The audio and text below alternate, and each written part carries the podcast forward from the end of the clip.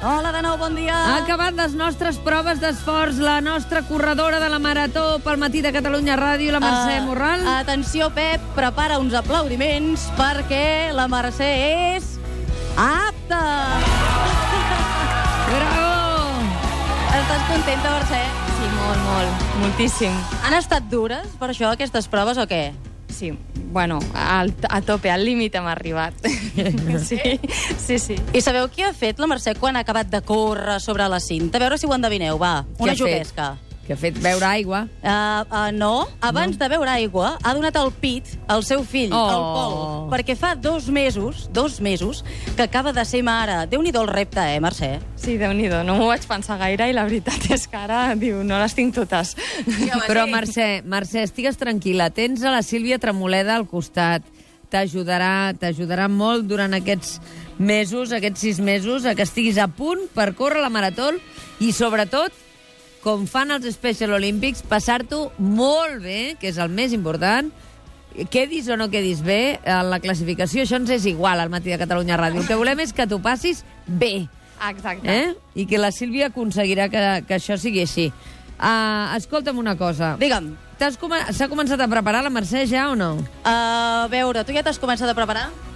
Bueno, fem el que podem. O sigui, corro una miqueta, però vamos, em queda moltíssim pels 40. Però abans ja havies corregut, tu, per tant no comences de zero. No em diguis que ens vas enganyar, Mercè. Bueno, ja he corregut, però és que d'això fa bastant de temps. És, és una mica al passat. Escolta, Anem qui a l'ha tornar-ho a ajudat? fer present. Qui t'ha ajudat a passar les proves, Mercè? El... Bueno, tots els l'equip Els doctors, els sí, l'equip mèdic de l'Hospital de Terrassa, també Sí? som amb ells, però ara mateix qui acaba de passar una prova, deixa'm dir-t'ho, Mònica, és el Víctor Melero, ell és el corredor del Tot Gira, l'entrenador Domingo Catalán, Sí? i tu t'hi vas apuntar per què? Per què, Víctor?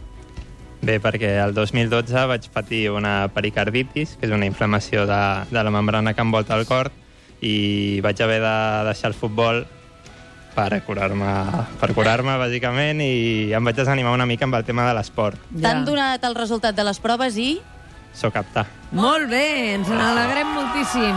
apte també el del Tot Gira. Fantàstic. I deixa'm fixar-me amb el participant del Club de la Mitjanit, Què? l'entrè de l'Arcadi Alibés. Per tant, ell està content, el coneixeràs, diu Ignasi Serraïma, Sí. i ell s'hi va apuntar perquè diu, atenció, eh, córrer 42 quilòmetres sense que ningú et persegueixi és una bestiesa. Sí, exacte, jo no sé per què em van trucar, perquè el primer que vaig dir era que una bestiesa. Jo sempre me n'he fotut bastant de que tots aquests que de la crisi dels 40 es posen a córrer, Sí. però bueno, mira, ara hi sóc jo. Però també té una bona causa, eh, Mònica? Quina, Quina és causa aquesta? té? A veure. Sí, l'única raó per la qual faria una bestiesa d'aquestes és pels meus fills, per donar a conèixer una malaltia genètica que tenen, i bueno, doncs per això, per això m'he apuntat.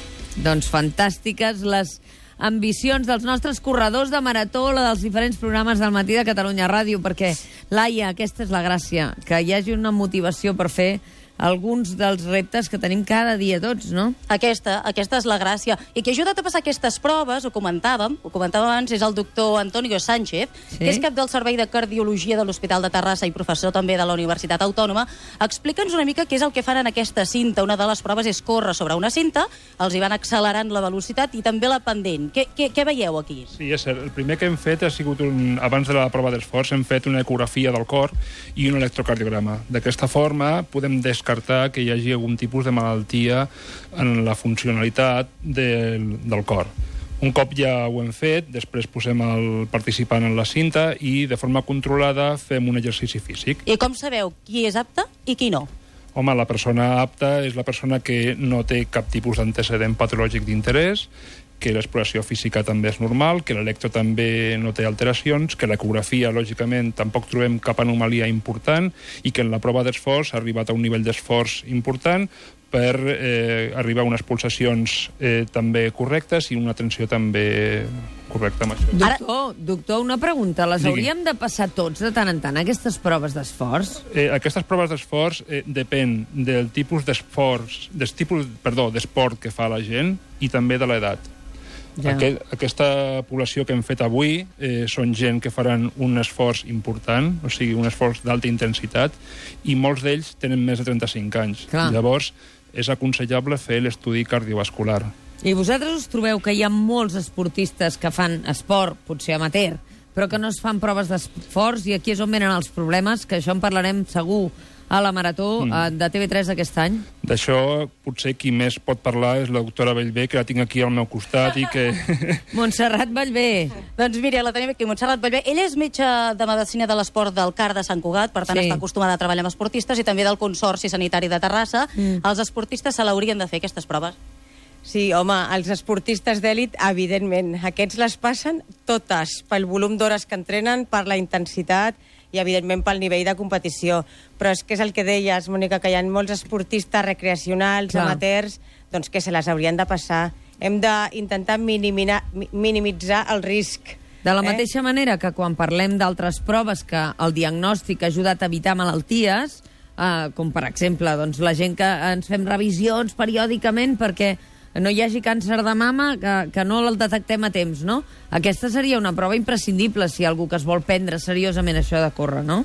Sí, sí, pensem que sí, eh? Sobretot una bona revisió mèdica esportiva amb un historial esportiu, eh? perquè hi ha molta gent sedentària, però hi ha gent que corre, i avui en dia tothom corre molt i fa moltes triatlons Sí. i moltes trails, eh? Sí, i Abans- tothom, tothom li agafen els 5 minuts de posar-se a córrer maratons sense pensar-s'ho gaire, eh? Per això, jo crec que hi ha tres pilars fonamentals i aprofito per felicitar-vos, perquè un reconeixement mèdic amb una bona revisió esportiva, una prova d'esforç i a més un ecocardiograma en aquest cas és fonamental. Abans ella em destacava, la Montserrat, la diferència entre prova esportiva i unes proves mèdiques, no? que és una mica un plus, una prova esportiva, que és aquesta la que s'hauria de fer la gent que corre o fa esport allò per diversió.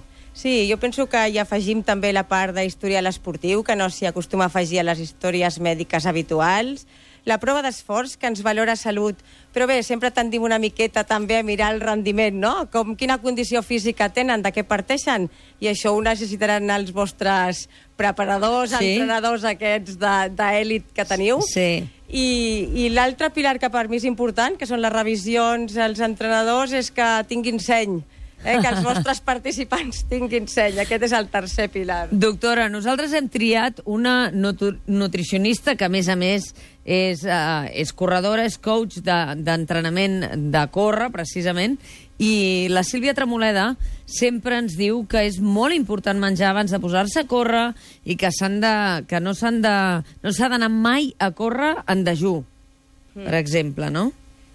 Sí, sí, jo totalment d'acord. Més, la, amb la Sílvia hem compartit alguna taula rodona, ens coneixem i estic totalment d'acord amb ella, que és una gran professional d'aquest tema. Per tant, l'alimentació fonamental al costat de, la, de les prevencions que avui estem tenint, fent aquestes proves aquí en el CAR. Per tant, Laia, Sí. jo crec que hem comprovat que tenim tots els corredors, no el nostre, no la No, nostra, no, no, no no. la Mercè.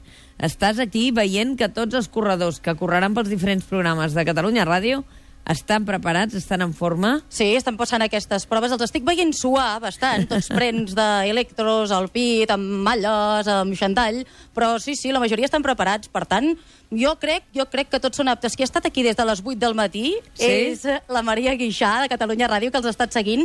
Com els has vist, tu? Home, molt bé, perfecte, sí, encara queda que maquillar amb els dos que ens falten per fer la prova d'esforç, però vaja, jo crec que ha anat perfecte, eh, com ara explicaven els doctors, mm, fantàstics. Els tenim ja a punt, els preparadors que es comencin a calçar perquè venen amb ganes, eh?